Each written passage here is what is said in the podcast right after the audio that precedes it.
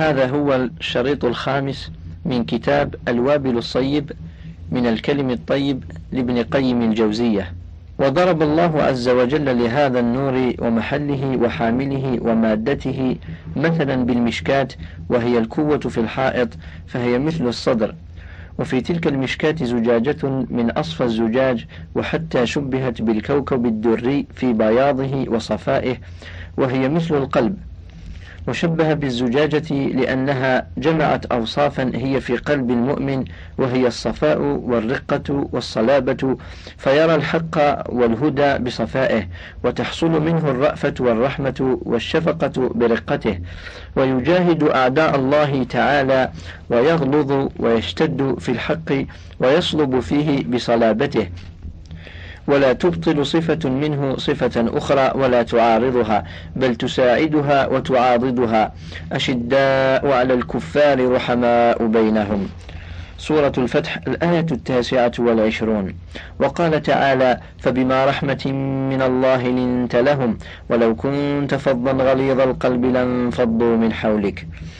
سورة آل عمران الآية التاسعة والخمسون بعد المئة.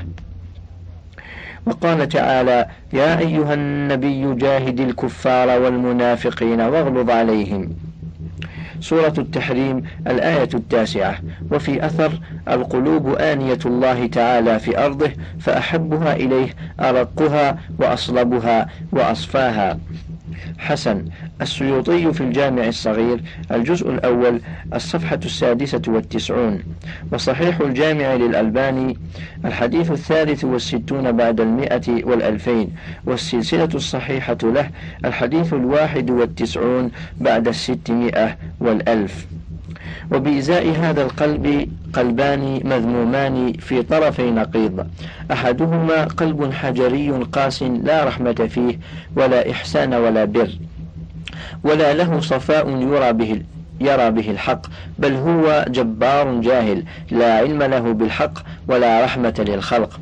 وبإزائه قلب ضعيف مائي لا قوة فيه ولا استمساك بل يقبل كل صورة وليس له قوة حفظ تلك الصور ولا قوة التأثير في غيره. وكل ما خالطه أثر فيه من قوي وضعيف وطيب وخبيث. وفي الزجاجة مصباح وهو النور الذي في الفتيلة وهي حاملته ولذلك النور مادة وهو زيت قد عصر من زيتونة في أعدل الأماكن تصيبها الشمس أول النهار وآخرة. فزيتها من أصفى الزيت وأبعده من الكدر حتى إنه ليكاد من صفائه يضيء بلا نار. فهذه مادة نور المصباح. وكذلك مادة نور المصباح الذي في قلب المؤمن هو من شجرة الوحي التي هي أعظم الأشياء بركة وأبعدها من الانحراف بل هي أوسط الأمور وأعدلها وأفضلها. لم تنحرف انحراف النصرانية ولا انحراف اليهودية بل هي وسط بين الطرفين المذمومين في كل شيء. فهذه مادة مصباح الإيمان في قلب المؤمن. ولما كان ذلك الزيت قد اشتد صفاؤه حتى كاد أن يضيء بنفسه ثم خالط النار فاشتدت بها إضاءته وقويت مادة ضوء النار به. كان ذلك نورا على نور وهكذا المؤمن قلبه مضيء يكاد يعرف الحق بفطرته وعقله ولكن لا مادة له من نفسه. فجاءت مادة الوحي فباشرت قلبه وخالطت بشاشته فازداد نورا بالوحي على نوره الذي فطره الله عليه. فاجتمع له نور الوحي إلى نور الفطرة نور على نور فيكاد ينطق بالحق وإن لم يسمع فيه أثرا. ثم يسمع الأثر مطابقا لما شهدت به فطرته فيكون نورا على نور. فهذا شأن المؤمن يدرك الحق بفطرته مجملا ثم يسمع الأثر جاء به مفصلا. فينشأ إيمانه عن شهادة الوحي والفطرة. فليتأمل اللبيب هذه الآية هذه الآية العظيمة ومطابقتها لهذه المعاني الشريفة. فذكر سبحانه وتعالى نوره في السماوات والأرض ونوره في قلوب عباده المؤمنين. النور المعقول المشهود بالبصائر والقلوب والنور المحسوس المشهود بالأبصار الذي استنارت به أقطار العالم العلوي والسفلي.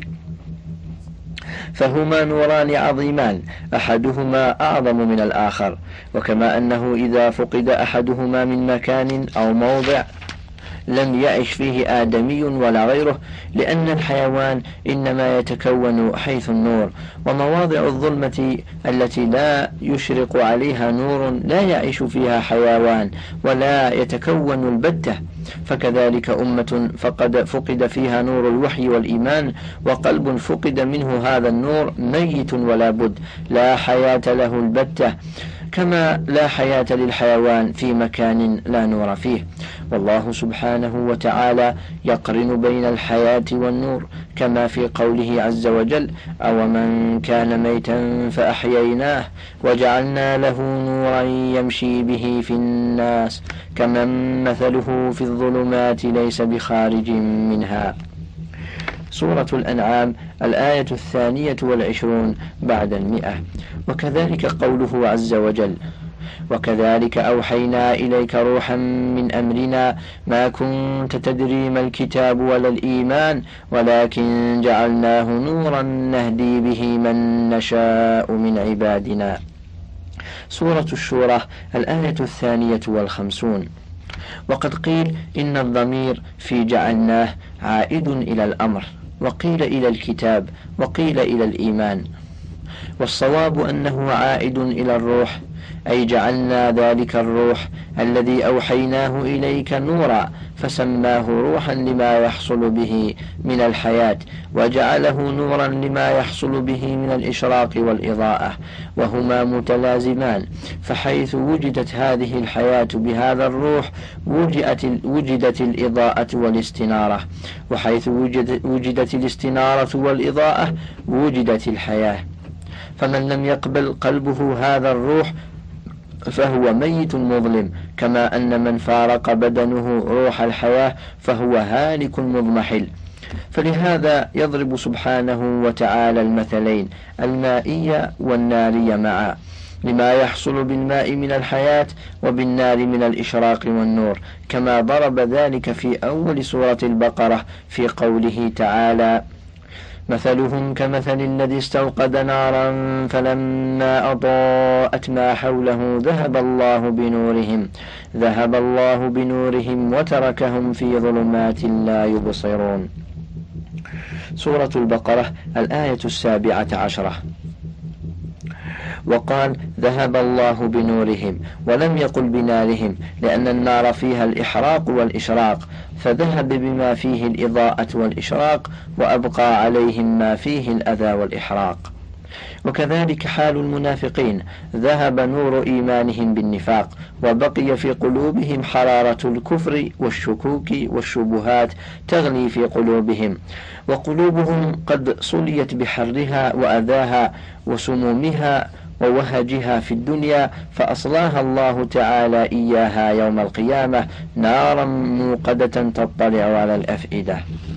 فهذا مثل من لم يصحبه نور الإيمان في الدنيا بل خرج منه وفارقه بعد أن استضاء به وهو حال المنافق عرف ثم أنكر وأقر ثم جحد فهو في ظلمات أصم أبكم آمى كما قال تعالى في حق إخوانهم من الكفار والذين كذبوا بآياتنا صم وبكم في الظلمات.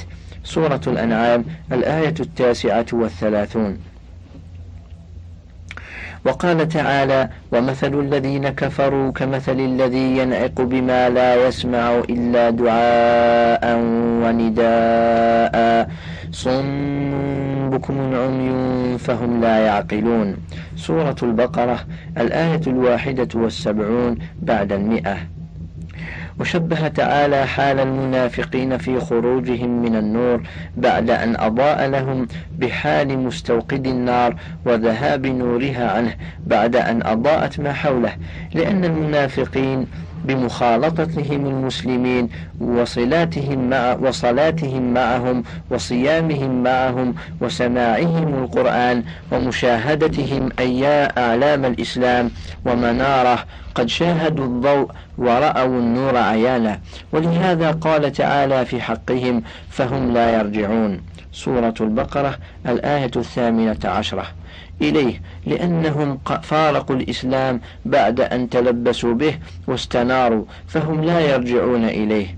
وقال تعالى في حق الكفار فهم لا يعقلون لأنهم لم يعقلوا الإسلام ولا دخلوا فيه ولا استناروا به بل لا يزالون في ظلمات الكفر صم بكم عمي. فسبحان من جعل كلامه لأدواء الصدور شافيا وإلى الإيمان وحقائقه مناديا وإلى الحياة الأبدية والنعيم المقيم داعيا وإلى طريق الرشاد هاديا. لقد أسمع منادي الإيمان لو صادف آذانا واعية وشفت مواعظ القرآن لو وافقت قلوبا خالية.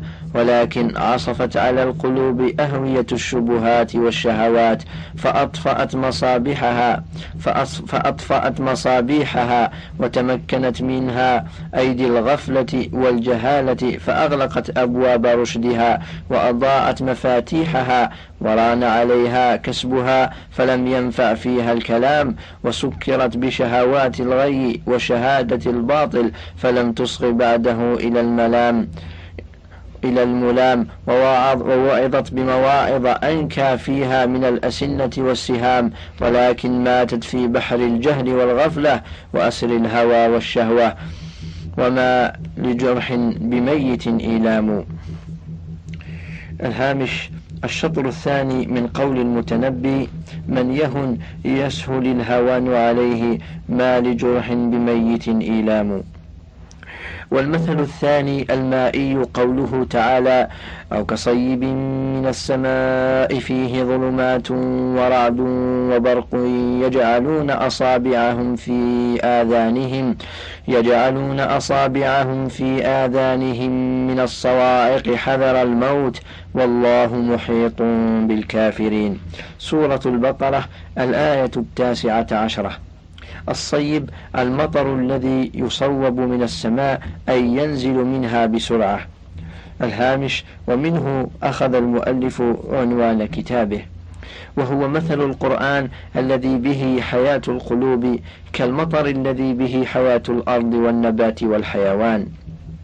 فأدرك المؤمنين ذلك منه وعلموا ما يحصل به من الحياة التي لا خطر لها فلم يمنعهم منها ما فيه من الرعد من الرعد والبرق وهو الوعيد والتهديد والعقوبات والمثلات. الهامش جمع مثله وهي العقوبة والتنكيل. التي حذر الله بها من خالف أمره وأخبر أنه منزلها بمن كذب رسوله صلى الله عليه وسلم أو ما فيه من الأوامر الشديدة كجهاد الاعداء والصبر على الأمر أو الأوامر الشاقة على النفوس التي هي بخلاف إرادتها فهي كالظلمات والرعد والبرق ولكن من علم مواقع الغيث وما يحصل به من الحياة لم يستوحش لما معه من الظلمة والرعد والبرق بل يستأنس لذلك ويفرح به لما يرجو من الحياة والخصب. وأما المنافق فإنه عمي قلبه لم يجاوز بصره الظلة ولم ير إلا برقا يكاد يخطف البصر. ورعدا عظيما وظلمة فاستوحش من ذلك وخاف منه فوضع أصابعه في أذنيه لئلا يسمع صوت الرعد. وهاله مشاهدة ذلك البرق وشدة لمعانه وعظم نوره فهو خائف أو أن يختطف معه بصره لأن بصره أضعف أن يثبت معه فهو في ظلمة. فهو في ظلمة يسمع أصوات الرعد القاصف ويرى ذلك البرق الخاطف فإن أضاء له ما بين يديه مشى في ضوئه وإن فقد الضوء قام متحيرا. لا يدري أين يذهب ولجهله لا يعلم أن ذلك من لوازم الصيب الذي به حياة الأرض والنبات وحياته هو نفسه. بل لا يدرك إلا رعدا وبرقة. وبرقا وظلمة ولا شعور له بما وراء ذلك. فالوحشة لازمة له والرعب والفزع لا يفارقه. وأما من أنس بالصيب وعلم أنه لا بد فيه من رعد وبرق وظلمة بسبب الغيم استأنس بذلك ولم يستوحش منه ولم يقطعه ذلك عن أخذه بنصيبه من الصيب. فهذا مثل مطابق للصيب الذي نزل به جبريل عليه السلام من عند رب العالمين تبارك وتعالى على قلب رسول الله صلى الله عليه وسلم ليحيي به القلوب والوجود أجمع. فاقتضت حكمته أن يقارنه من الغيم والرعد والبرق ما يقارن الصيب من الماء. حكمة بالغة وأسبابا منتظمة نظمها العزيز الحكيم فكان حظ المنافق من ذلك الصيب. سحابه ورعوده وبروقه فقط. لم يعلم ما وراءه فاستوحش بما أنس به المؤمنون وارتاب بما اطمأن به العالمون وشك فيما تيقنه المبصرون العارفون.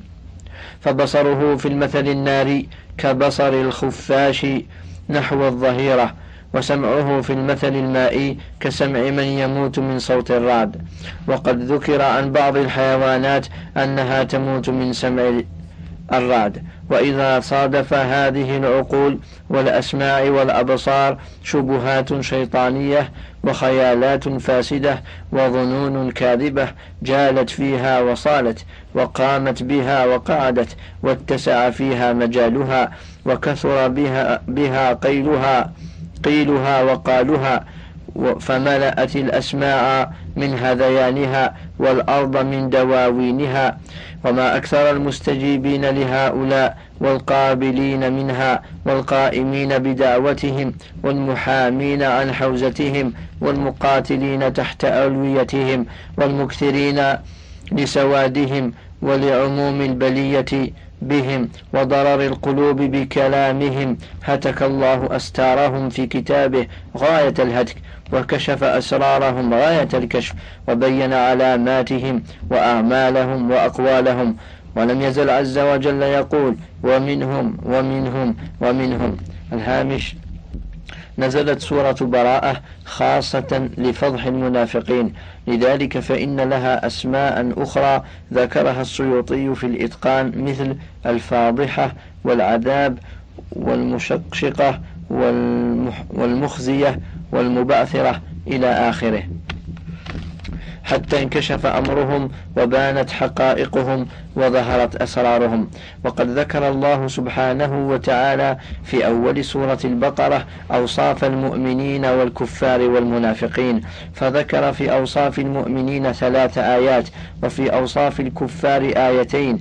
وفي أوصاف هؤلاء بضع عشرة آية لعموم الابتلاء بهم وشدة المصيبة بمخالطتهم فإنهم من الجلدة مظهرون الموافقة والمناصرة بخلاف الكافر الذي قد تأبد بالعداوة وأظهر السريرة ودعاك بما أظهره إلى مزايلته ومفارقته. ونظير هذين المثلين المثلان المذكوران في سورة الرعد في قوله تعالى أنزل من السماء ماء فسل فسالت أودية بقدرها فسالت أودية بقدرها فاحتمل السيل زبدا رابيا. سورة الرعد الآية السابعة عشرة. فهذا هو المثل المائي شب شبه الوحي الذي أنزله بحياة القلوب بالماء الذي أنزله من السماء وشبه القلوب الحاملة له بالأودية الحاملة للسيل فقلب كبير يسع علما عظيما كواد كبير يسع ماء كثيرا وقلب صغير كواد صغير يسع علما قليلا فحملت القلوب من هذا العلم بقدرها كما سالت الأودية بقدرها. ولما كانت الأودية ومجاري السيول فيها الغثاء ونحوه مما يمر عليه السيل فيحتمله السيل فيطفو على وجه الماء زبدا عاليا ويمر عليه متراكبا ولكن تحت الماء تحته الماء الفرات الذي به حياة الأرض فيقذف الوادي ذلك الغثاء إلى جنبتيه حتى لا يبقى منه شيء.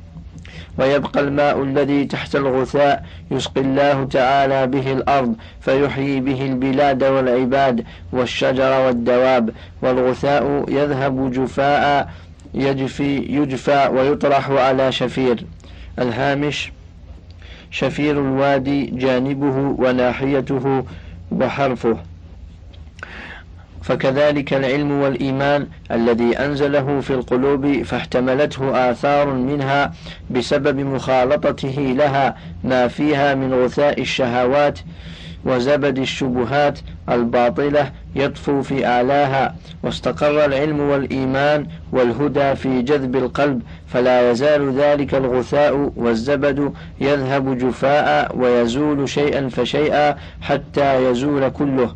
ويبقى العلم النافع والإيمان الخالص في جذر القلب يرده الناس يرده الناس فيشربون ويسقون ويمرعون.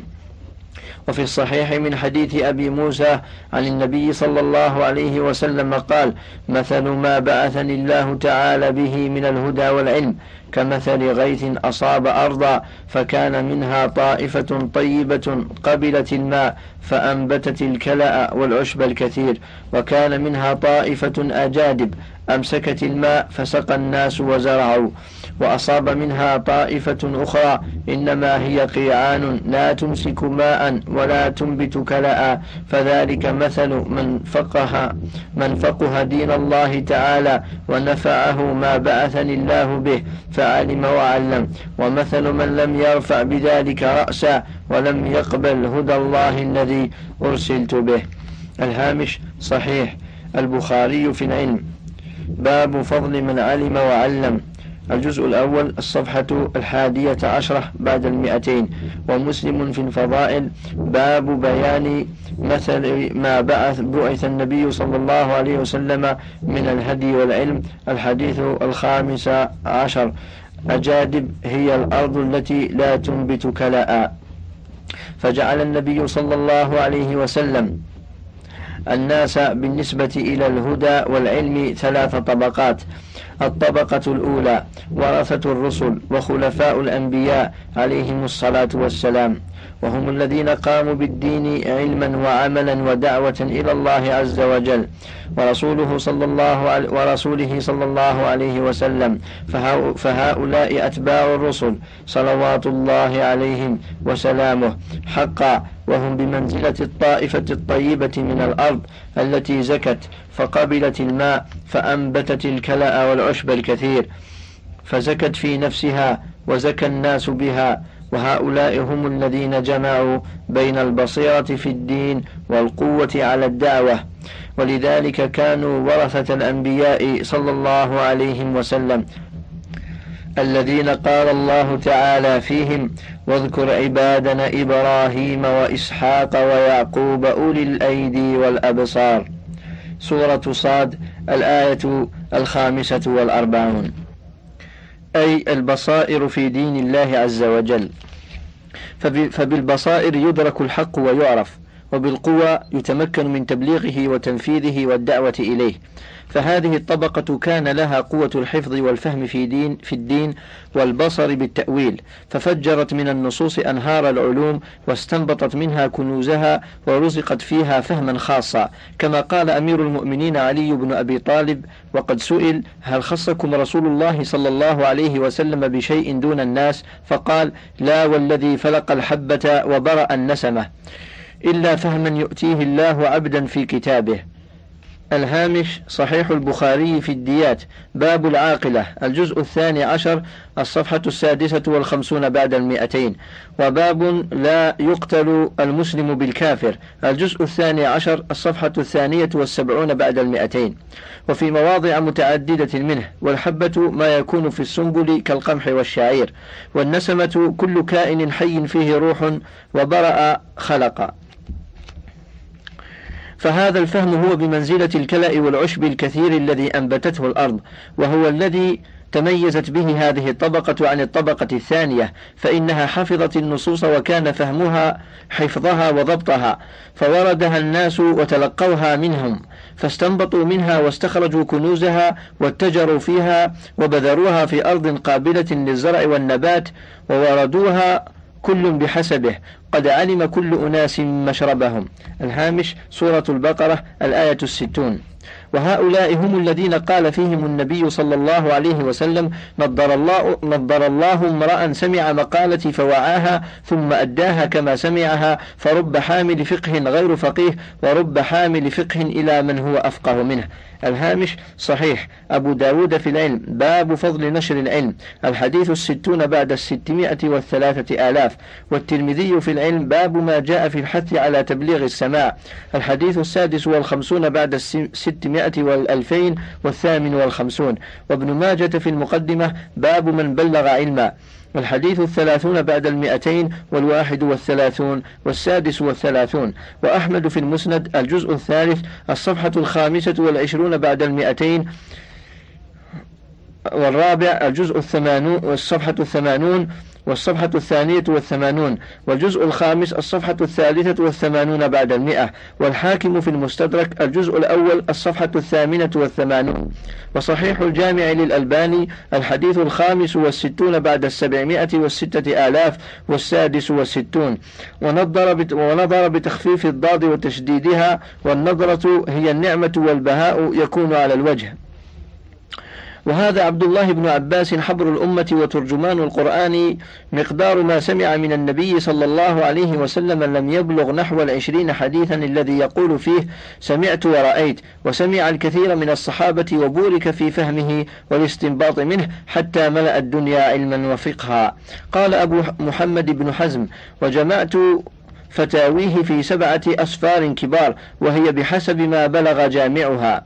وإلا فعلم ابن عباس كالبحر وفقهه واستنباطه وفهمه في القرآن بالموضع الذي فاق به الناس. وقد سمع كما سمعوا وحفظ القرآن كما حفظوا ولكن أرضه كانت من أطيب الأراضي وأقبلها للزرع. فبذر فيها النصوص فأنبتت من كل زوج كريم. ذلك فضل الله يؤتيه من يشاء والله ذو الفضل العظيم.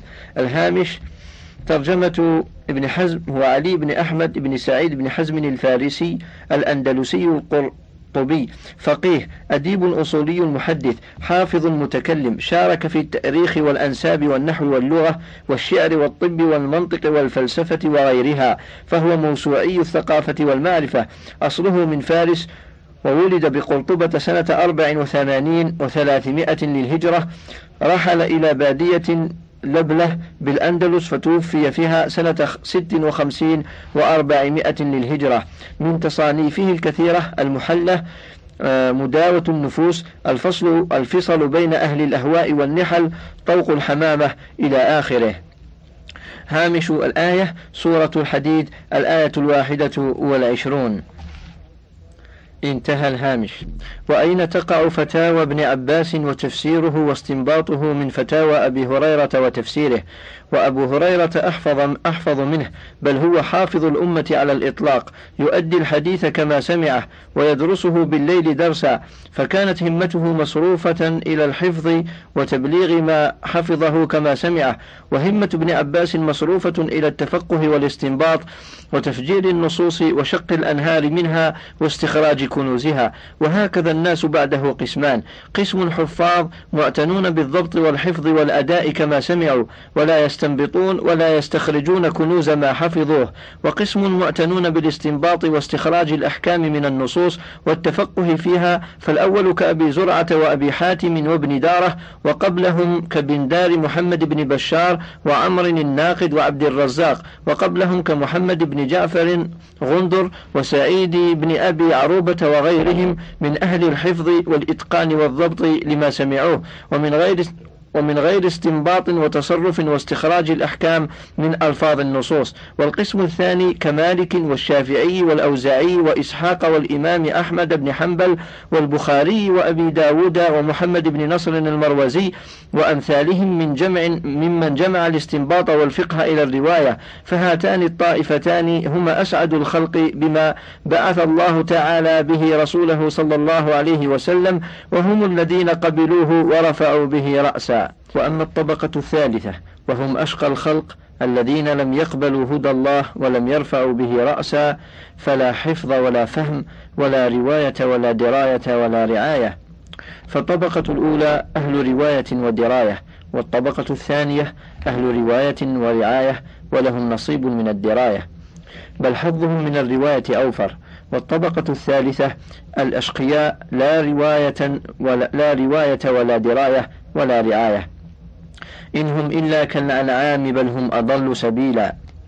الهامش سورة الفرقان الآية الرابعة والأربعون. انتهى الهامش. فهم الذين يضيقون الديار ويغلون الأسعار. إن همة أحدهم إلا بطنه وفرجه فإن ترقت همته كان همه مع ذلك لباسه وزينته فإن ترقت همته فوق ذلك كان همه في الرياسة والانتصار للنفس الغضبية. فإن ارتفعت همته عن نصرة النفس الغضبية كان همه في نصرة النفس الكلبية فلم يعظها. إلى نصرة النفس السبعية فلم يعظها أحد من هؤلاء. فإن النفوس كلبية وسبعية وملكية.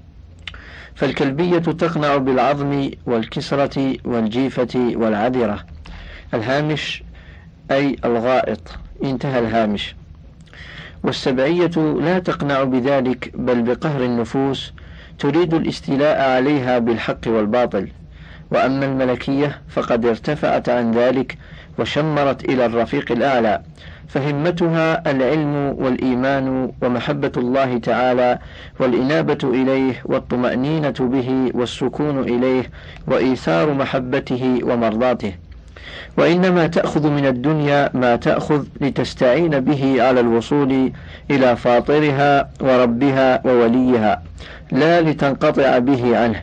ثم ضرب سبحانه وتعالى مثلا ثانيا وهو المثل الناري فقال ومما يوقدون عليه في النار ابتغاء حلية أو متاع زبد مثله. الهامش سورة الرعد الآية السابعة عشرة. انتهى الهامش. وهذا كالحديد والنحاس والفضة والذهب وغيرها.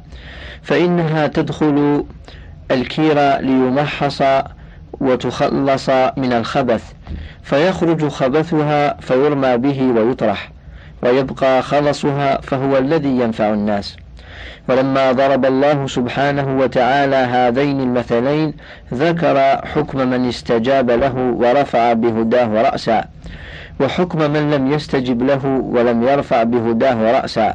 فقال للذين استجابوا لربهم الحسنى والذين لم يستجيبوا له لو أن لهم ما في الأرض جميعا ومثله معه لافتدوا به أولئك لهم سوء الحساب ومأواهم جهنم وبئس المهاد.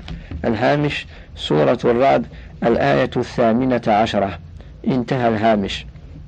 والمقصود أن الله تعالى جعل الحياة حيث النور والموت حيث الظلمة فحياة الموجودين الروحي والجسمي بالنور وهو مادة الحياة كما أنه مادة الإضاءة. فلا حياة بدونه كما لا إضاءة بنوره. وكما أنه به حياة القلب فبه انفساحه وانشراحه وسعته كما في الترمذي عن النبي صلى الله عليه وسلم إذا دخل النور القلب انفسح وانشرح قالوا وما علامة ذلك؟ قال الإنابة إلى دار الخلود والتجافي عن دار الغرور والاستعداد للموت قبل نزوله. الهامش لم أجده في الترمذي ولا في غيره من كتب السنة عندي. لكن ذكره ابن كثير في تفسيره لقوله تعالى من سورة الأنعام فمن يرد الله أن يهديه الآية الخامسة والعشرون بعد المئة. وبعد أن أورد روايات متعددة له قال فهذه طرق لهذا الحديث مرسلة ومتصلة يشد بعضها بعضا انظر تفسير ابن كثير الجزء الثاني الصفحة الرابعة والسبعين بعد المئة والخامسة والسبعين. ونور العبد هو الذي يصعد عمله وكلمه إلى الله تعالى. فإن الله تعالى لا يصعد إليه من الكلم إلا الطيب وهو نور ومصدر عن النور.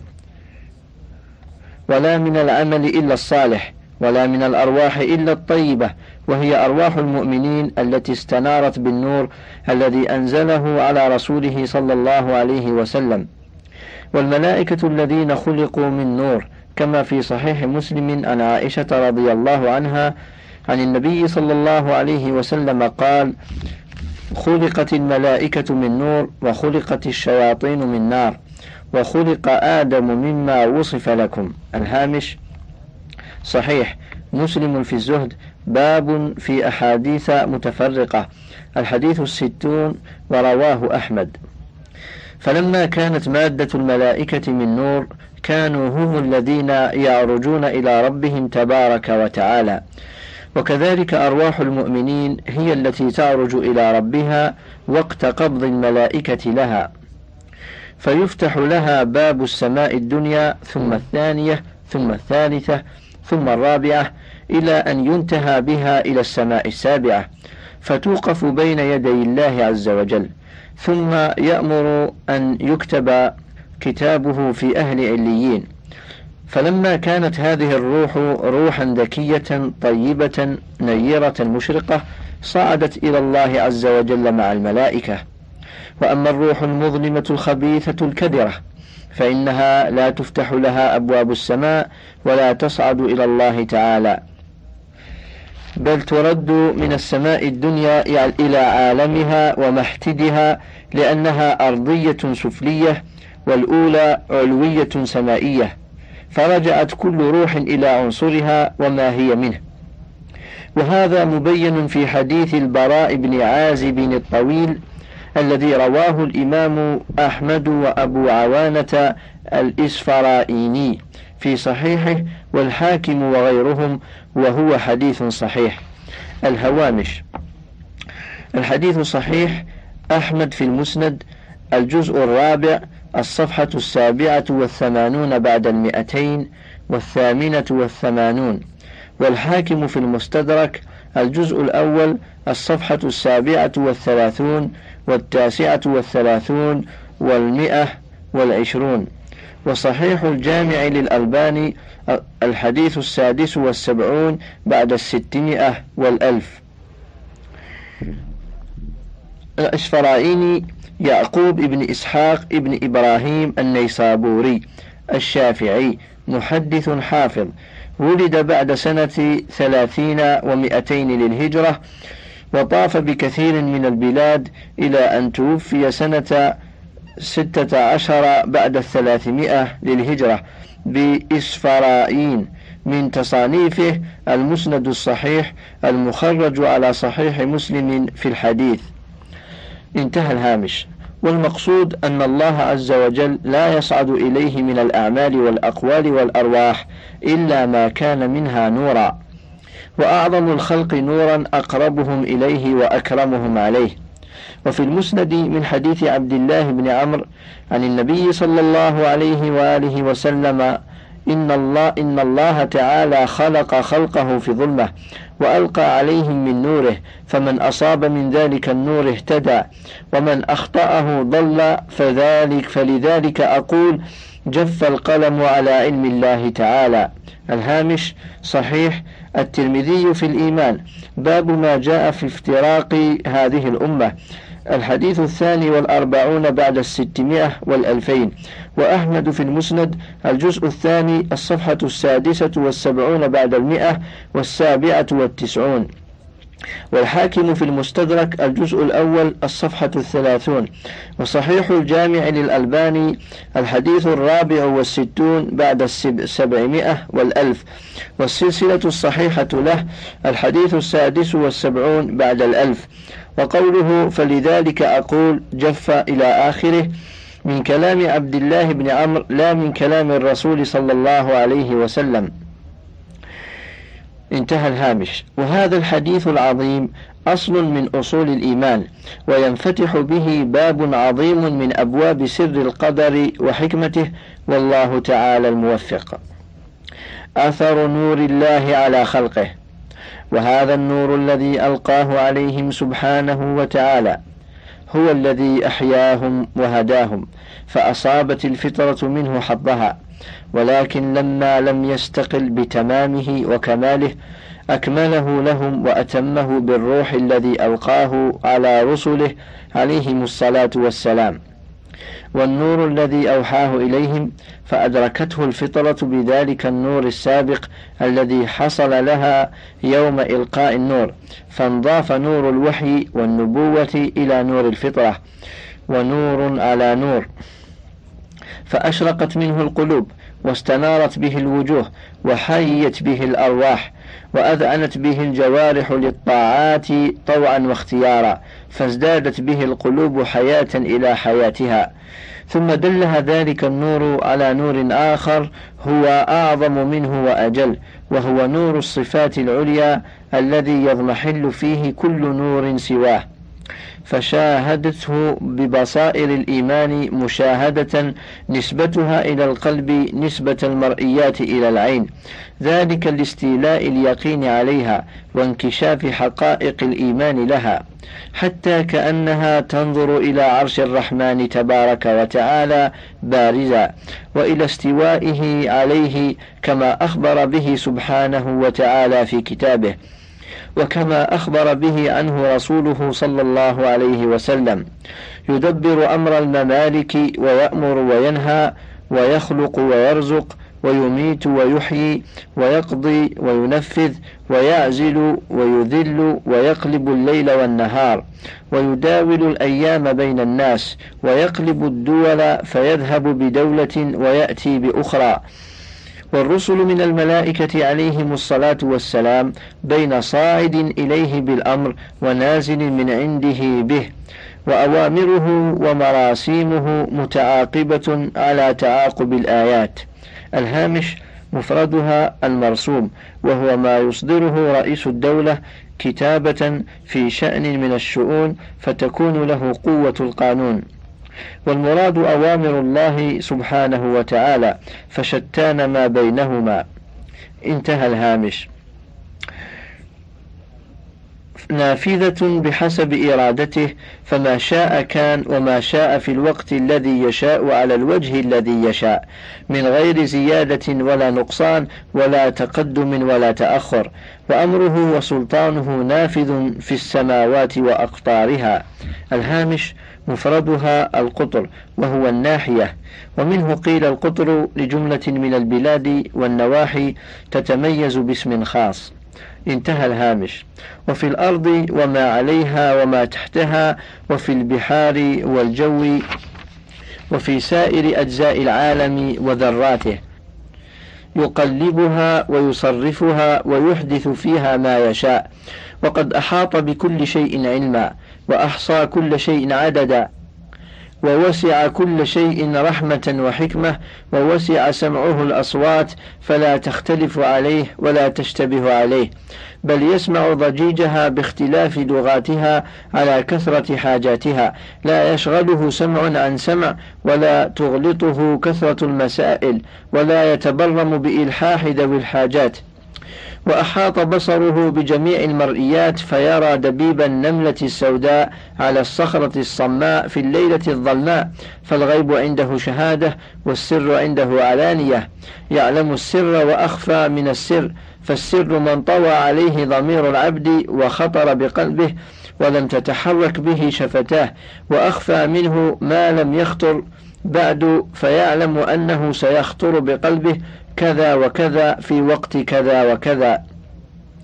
له الخلق والأمر وله الملك والحمد وله الدنيا والآخرة وله النعمة وله الفضل وله الثناء الحسن.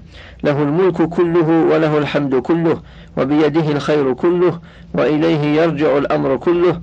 شملت قدرته كل شيء ووسعت رحمته كل شيء وسعت نعمته إلى كل حي. يسأله من في السماوات والأرض كل يوم هو في شأن. الهامش سورة الرحمن الآية التاسعة والعشرون. انتهى الهامش. يغفر ذنبا ويفرج هما ويكشف كربا ويجبر كسرا أو كثيرا ويغني فقيرا ويعلم جاهلا ويهدي ضالا ويرشد حيرانا ويغيث لهفانا ويفك عانيا ويشبع جائعا ويكسو عاريا ويشفي مريضا ويعافي مبتلى ويقبل تائبا ويجزي محسنا وينصر مظلوما ويقسم جبارا ويقيل عثره ويستر عوره ويؤمن من روعة ويرفع أقواما ويضع آخرين ولا ينام ولا, ولا ينبغي له أن ينام. يخفض القسط ويرفعه يرفع إليه عمل الليل قبل النهار وعمل النهار قبل الليل. حجابه النور لو كشفه لأحرقت سبحات وجهه ما انتهى إليه بصره من خلقه. يمينه ملأى لا تغيضها نفقة سحاء الليل والنهار. الهامش دائمة الصب. يقال يمينه سحاء فياضة بالعطاء والجمع سح. أرأيتم ما أنفق منذ خلق الخلق؟ فإنه لم يغض ما في يمينه. قلوب العباد ونواصيهم بيده. وأزمة الأمور معقودة بقضائه وقدره الأرض جميعها قبضته يوم القيامة والسماوات مطويات بيمينه يقبض سماواته كلها بيده الكريمة والأرض باليد الأخرى ثم يهزهن ثم يقول أنا الملك أنا الملك أنا الذي بدأت الدنيا ولم تكن شيئا وأنا الذي أعيدها كما بدأتها لا يتعاظمه ذنب أن يغفره ولا حاجة يسأل يسألها أن يعطيها لو أن أهل سماواته وأهل أرضه وأول خلقه وآخره وإنسهم وجنهم كانوا على أتقى قلب رجل منهم ما زاد ذلك في ملكه شيئا. ولو أن أول خلقه وآخرهم وإنسهم وجنهم كانوا على أفجر قلب رجل منهم ما نقص ذلك من ملكه شيئا. ولو أن أهل سماواته وأهل أرضه وإنسهم وجنهم كانوا على أفجر قلب رجل منهم ما نقص ذلك من ملكه شيئا. ولو أن أهل سماواته وأهل أرضه وإنسهم وجنهم وحيهم وميتهم ورطبهم ويابسهم قالوا في صعيد واحد فسألوه فأعطى كل منهم ما سأله ما نقص ذلك مما عنده مثقال ذرة. ولو أن أشجار الأرض كلها من حين وجدت إلى أن تنقضي الدنيا أقلام والبحر وراءه سبعة أبحر تمده من بعد مداد. فكتب بتلك الأقلام وذلك المداد لفنيت الأقلام وفن وفند المداد. ونفد المداد ولم تنفد كلمات الخالق تبارك وتعالى. وكيف تفنى كلماته جل جلاله وهي لا بداية لها ولا نهاية؟ والمخلوق له بداية ونهاية فهو أحق بالفناء والنفاد.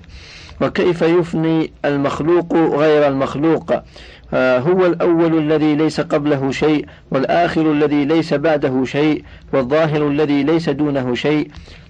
والباطن الذي ليس دونه شيء تبارك وتعالى أحق من ذكر وأحق من عبد وأحق من حمد وأولى من شكر وأنصر من ابتغي وأرأف من ملك وأجود من سئل وأعفى من قدر وأكرم من قصد وأعدل من, من انتقم حلمه بعد علمه وعفوه بعد قدرته ومغفرته عن عزته ومنعته عن حكمته وموالاته عن إحسانه ورحمته. ما للعباد عليه حق واجب كلا ولا سعي لديه ضائع. إن عذبوا فبعدله أو نعموا فبفضله وهو الكريم الواسع. هو الملك, هو الملك لا شريك له والفرد فلا ند له والغني فلا ظهير له والصمد فلا ولد له ولا صاحبة له والعلي فلا شبيه له ولا سمي له. الهامش السمي المسامي وهو المطاول والمفاخر. وسمي الشيء موافقه في اسمه أو نظيره. انتهى الهامش. كل شيء هالك إلا وجهه وكل ملك زائل إلا ملكه وكل ظل قالص إلا ظله وكل فضل منقطع إلا فضله لن يطاع إلا بإذنه ورحمته ولن يعصى إلا بعلمه وحكمته. يطاع فيشكر ويعصى فيتجاوز ويغفر كل نقمة منه عدل وكل نعمة منه فضل. أقرب شهيد وأدنى حفيظ حال دون النفوس وأخذ بالنواصي. الهامش مفردها الناصية شعر مقدم الرأس. انتهى الهامش. وسجل الآثار وكتب الآجال فالقلوب له مفضية والسر عنده علانية والغيب عنده شهادة عطاؤه كلام وعذابه كلام. إنما أمره إذا أراد شيئا أن يقول له كن فيكون. الهامش سورة ياسين الآية الثانية والثمانون. انتهى الهامش. فإذا أشرقت على القلب أنوار هذه الصفات اضمحل عندها كل نور. ووراء هذا ما لا يخطر بالبال ولا تناوله عبارة. والمقصود أن الذكر ينور القلب والوجه والأعضاء وهو نور العبد في دنياه وفي البرزخ وفي القيامة وعلى حسب نور الإيمان في قلب العبد تخرج أعماله وأقواله ولها نور وبرهان حتى إن من المؤمنين من يكون نور آماله إذا صعدت إلى الله تبارك وتعالى كنور الشمس وهكذا نور روحه إذا قدم بها أو قدم بها على الله عز وجل وهكذا يكون نوره الساعي بين يديه على الصراط وهكذا يكون نور وجهه في القيامة والله تعالى المستعان وعليه الاتكال. السابعة والثلاثون. أن الذكر رأس الأصول وطريق عامة الطائفة ومنشور الولاية فمن فتح له فيه فقد فتح له باب الدخول على الله عز وجل. فليتطهر وليدخل على ربه عز وجل. يجد عنده كل ما يريد. فإن وجد ربه عز وجل وجد كل شيء. وإن فاته ربه عز وجل فاته كل شيء. الثامنة والثلاثون أن في القلب خلة.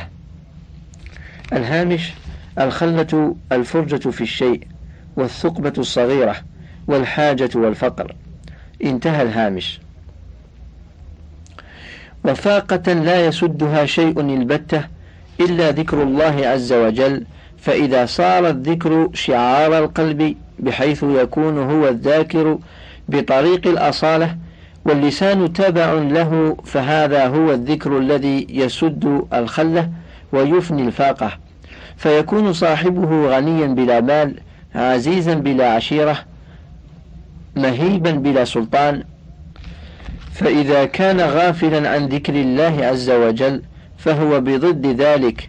فقير مع كثرة جدته ذليل مع سلطانه حقير مع كثرة عشيرته. الذكر ينبه القلب ويجمعه ويقربه. التاسعة والثلاثون.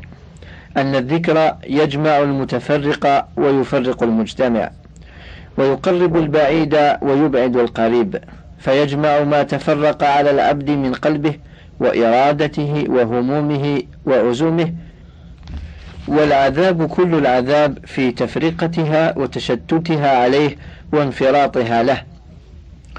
والحياة والنعيم في اجتماع قلبه وهمه وعزمه وإرادته.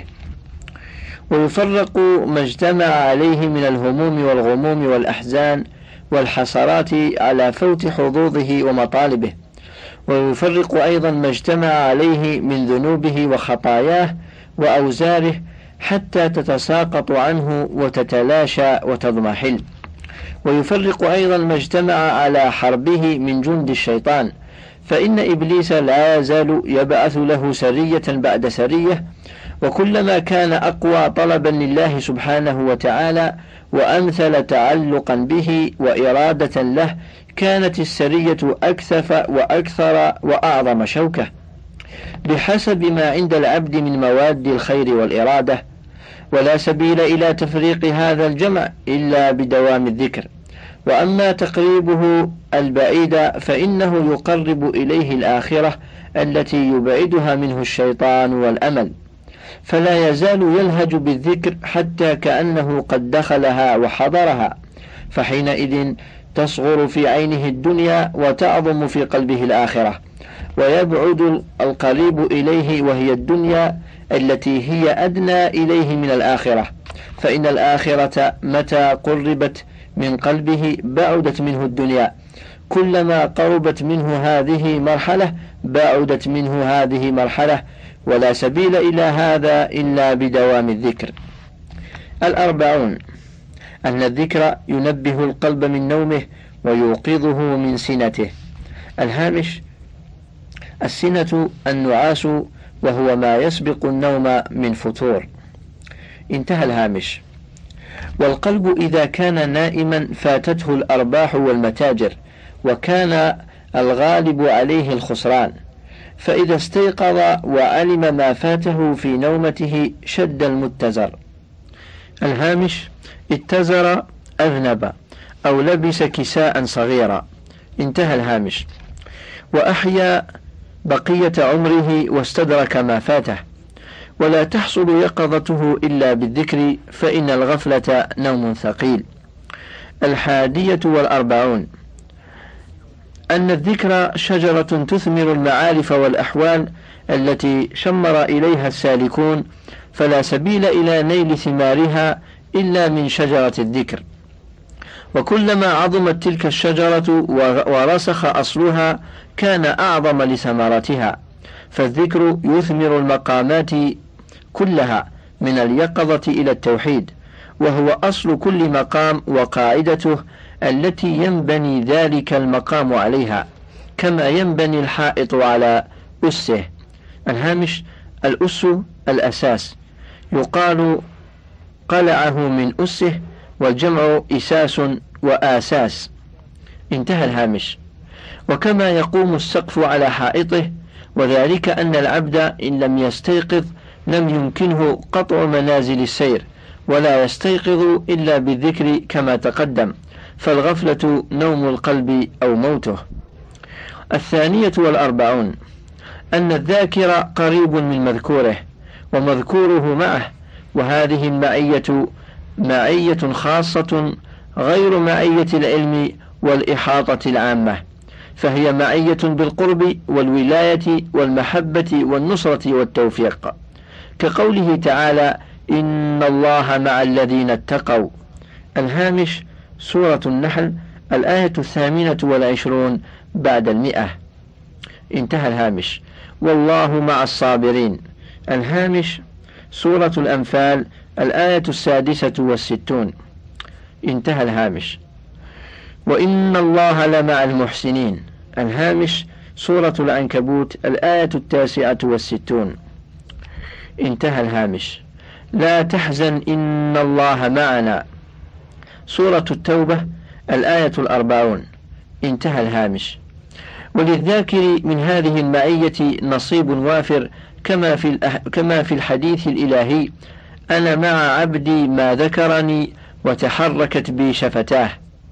الهامش صحيح البخاري معلقة في التوحيد باب قول الله تعالى لا تحرك به لسانك الجزء الثالث عشر الصفحة الثامنة بعد الخمسمائة.